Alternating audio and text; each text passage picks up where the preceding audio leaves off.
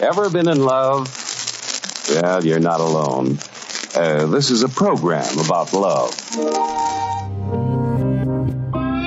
Ik ben Stefan Lee, spoedverpleegkundige bij ZNA Jan Paul Fijn. Sinds 1998 ontmoet ik elke dag tientallen mensen. Met een mug of op de spoeddienst zelf. Dat zijn in veel gevallen heel intense ontmoetingen. Maar even snel zijn die patiënten weer weg. En achteraf vraag ik me altijd af, hoe zou het nu eigenlijk met hen zijn? Daarom de podcast 112 Verhalen van op Spoed. Een productie van Stef en Wim van Lee in samenwerking met het Nieuwsblad. Waar ik de mensen opnieuw ontmoet weg van sirenes en de geur van het ziekenhuis. Podcast van vandaag gaat over verboden liefde. En ja, we zijn bij mij thuis, gehoord misschien een hond uh, wat rondtrippelen. Maar op spoed ja, ontmoeten wij heel veel mensen. Uiteraard is die verstandhouding tussen hulpverleners en uh, patiënten professioneel. Het is ook een grens die we moeten bewaken, omdat de patiënt vaak in een uh, afhankelijkheidspositie zit ten opzichte van zorgverleners. En vertrouwen is nu eenmaal een steunpunt, of misschien zelfs het belangrijkste, voor goede zorg te kunnen geven. En ja, daarom heb je geen relatie met een patiënt. En mij zal zoiets nooit overkomen. Behalve die ene keer.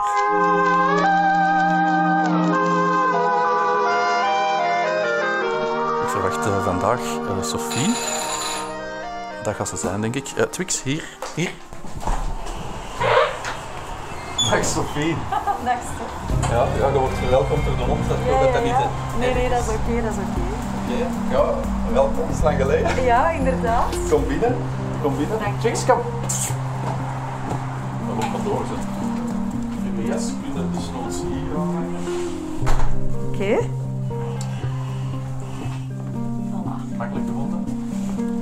Ja, ja. Dat ging wel. Moet ik mijn schoenen laten? Nee, laat hem maar aan. eh. Kom maar naar de keukens. Hè. Kom maar mee. Moet jij iets drinken? Ja, Wat water of zo. Water, plat water? Ja, dat is? No, not that kind. Young love.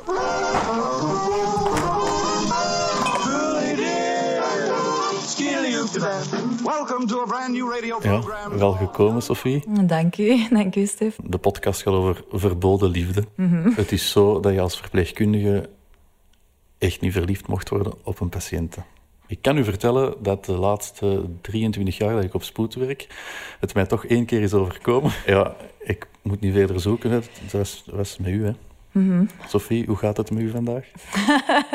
Na zo'n mededeling. Ja, voilà. Het gaat goed met mij, dank u. Ja, dat is leuk om te horen. We hebben elkaar voor de eerste keer op spoed gezien. Ja, toen ging het wat minder goed met mij natuurlijk. Hè. Wat ik mij ervan herinner is dat ik ja, mij heel slecht voelde. Ik was ziek. Ik denk dat ik een voedselvergiftiging of zo had. En uiteindelijk toch maar besloten, na lange uren thuis heel ziek te zijn, van ja, deze, deze gaat niet meer. Eh, we, moeten, we moeten naar het ziekenhuis. En dan kwamen we daartoe en dan word je in zo'n box gelegd. En in mijn herinnering waarde jij er vrij snel bij. Ik kan me niet herinneren dat ik eerst nog iemand anders of zo heb gezien. En je wordt gewoon heel sympathiek. eh, en je probeerde mij een beetje op mijn gemak te stellen en gerust te stellen, denk ik. Van, ça wel, het- valt wel mee, het komt wel goed. Eh, je hebt ook een infuus gestoken. En je stoefde dat je dat goed kon. Dat weet ik ook nog. dat, dat, dat je dat heel goed kon en dat dat niet, niet pijn ging doen of zo. Dus ja, dat, dat is zo mijn, mijn grootste herinnering van de binnenkomst. Het is een, een fijne herinnering, want ik kan u eerlijk vertellen, ik had eigenlijk geen zin om u te helpen. En ik zal je vertellen hoe dat, dat komt. Het was toen een, een heel rustige dag. Als er echt niks te doen is, dan word je eigenlijk een beetje lui. En ik weet dat jij op spoed kwam tegen het einde van de shift.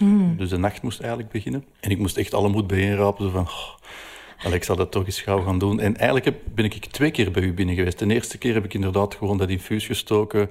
Ik weet nog dat ik Buscopan heb gegeven en Perfusolgan. Dat weet ik dus niet meer. dat het oké. ook in box 5 was.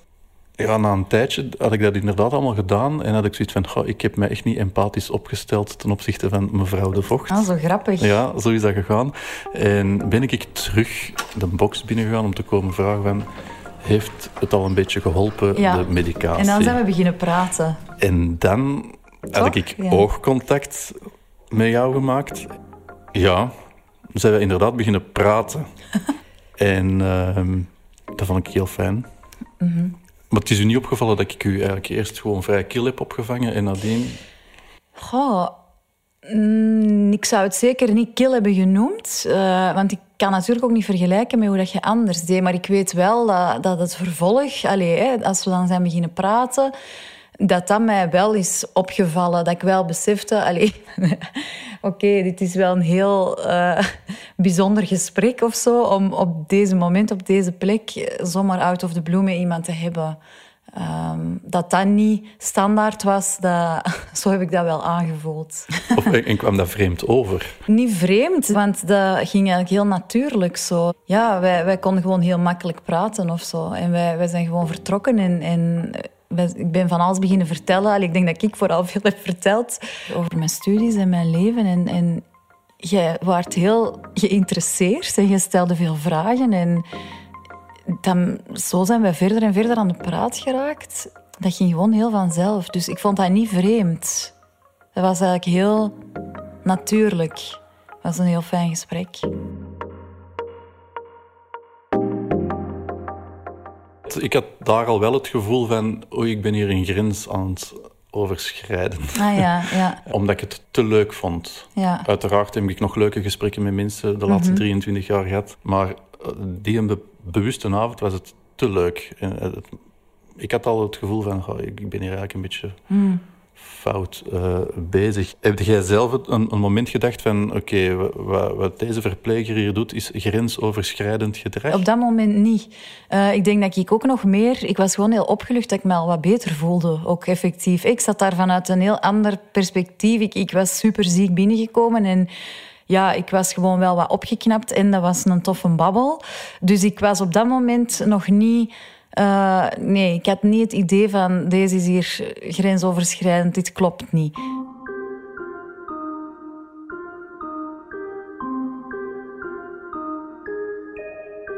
Op een bepaald moment heb jij natuurlijk een kaartje in mijn bus gestoken.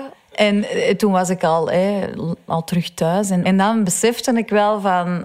Ja, deze is niet gewoon van... Het was een leuke babbel op de spoed. En dit kan eigenlijk ook niet. Ik denk dat ik toen dacht van... Oh, volgens mij mag je dat eigenlijk niet doen. Allee, dat, dat ik me er wel bewust van was. Ik was me heel bewust van, van die fout. Maar je bent maar mens ook, denk ik dan. En Ja. ehm, ik weet nog dat je... Ik had toch zeggen, je hebt een flanellen pyjama aan en volle sokken. Ik wist, ik wist dat dat in dit verhaal niet buiten beschouwing ging worden Daar gedaan. hebben we veel over gelachen nadien, ja, toch? Hè? dat Klopt, is waar. Ehm, dus desondanks dat je er misschien niet op tip-top uitzag, was er toch bij mij een vonk, moet het toegeven. Je verliet ook de spoed met een ziekenwagen, want je moest Ja. eigenlijk opgenomen worden, kan ik me nog herinneren. En in het ziekenhuis was er geen plaats, dus je werd verhuisd naar een ziekenhuis, ja. naar Klina in Braschaat. Ik kan me nog zo herinneren dat je door de deur werd gereden, zo. dat wij nog naar elkaar keken zo, en hop, jij wordt weg. Ondertussen was de nachtshift eigenlijk ook al meer dan een uur en een half aan de gang, dus ik zat er eigenlijk Oké. Ah ja, het is echt fout. Vrijwillig boel, te werken. Vrij- Allee, te vrijwillig. werken. het- Ja, werken niet. hè. Ik zeg het fout een boel. Ik, ik zat er eigenlijk veel te lang. Mhm. En inderdaad, deontologisch kan het niet, maar ik heb inderdaad een kaart geschreven. Die nacht nog? Of, En nee, ja. Mhm. dat, dat was een dag nadien. Ja, en dat was ook in ons gesprek naar boven gekomen. Wij woonden eigenlijk op 300 meter van elkaar, Ja. zonder elkaar ooit gezien ja. te hebben. Ongelooflijk, Dus dat was eigenlijk wel heel raar.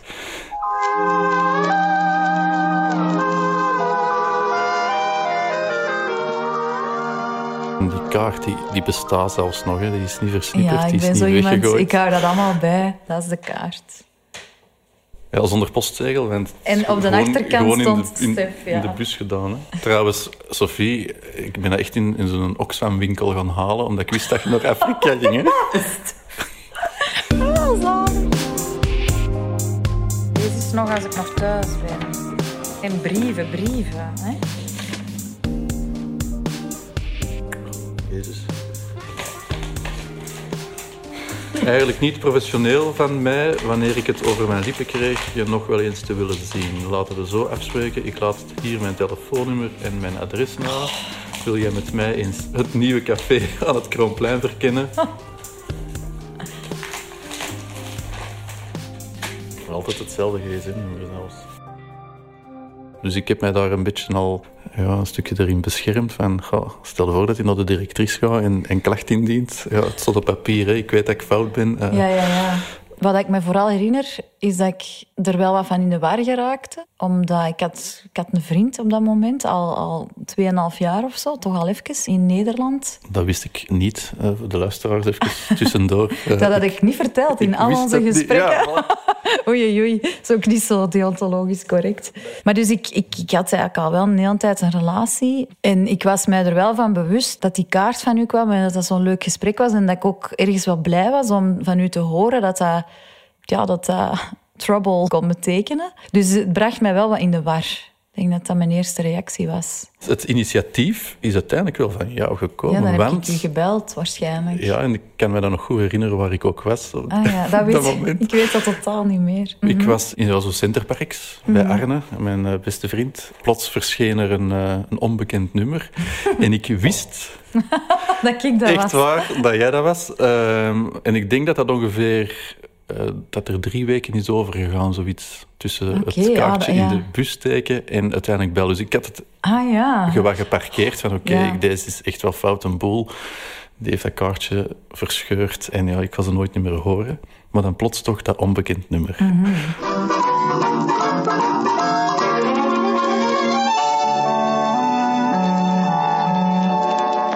Voilà, ja, ziekenhuisromances, ze bestaan. Ook al uh, noemt de podcast Verboden Liefde.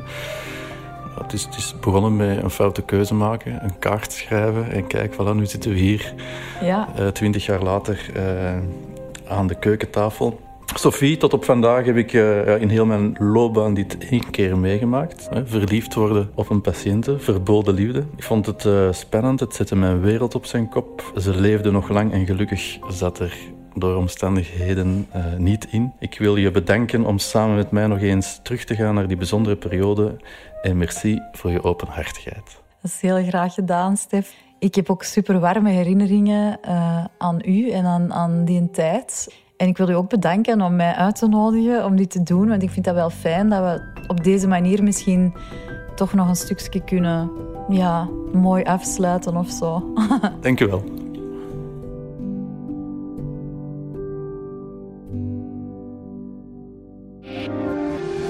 Geïntrigeerd door deze verhalen? Weet dan dat ik ook een boek schreef, 112 verhalen met, over en op spoed. Uitgegeven bij Uitgeverij Vrijdag en nu beschikbaar in de boekhandel. Dit was de podcast 112 verhalen van Op Spoed. Ik bedank Sophie voor het fijne gesprek. Muziek en montage gebeurde door mijn broer Wim van Lee. Voor de productie werkten we samen met de podcastredactie van het Nieuwsblad.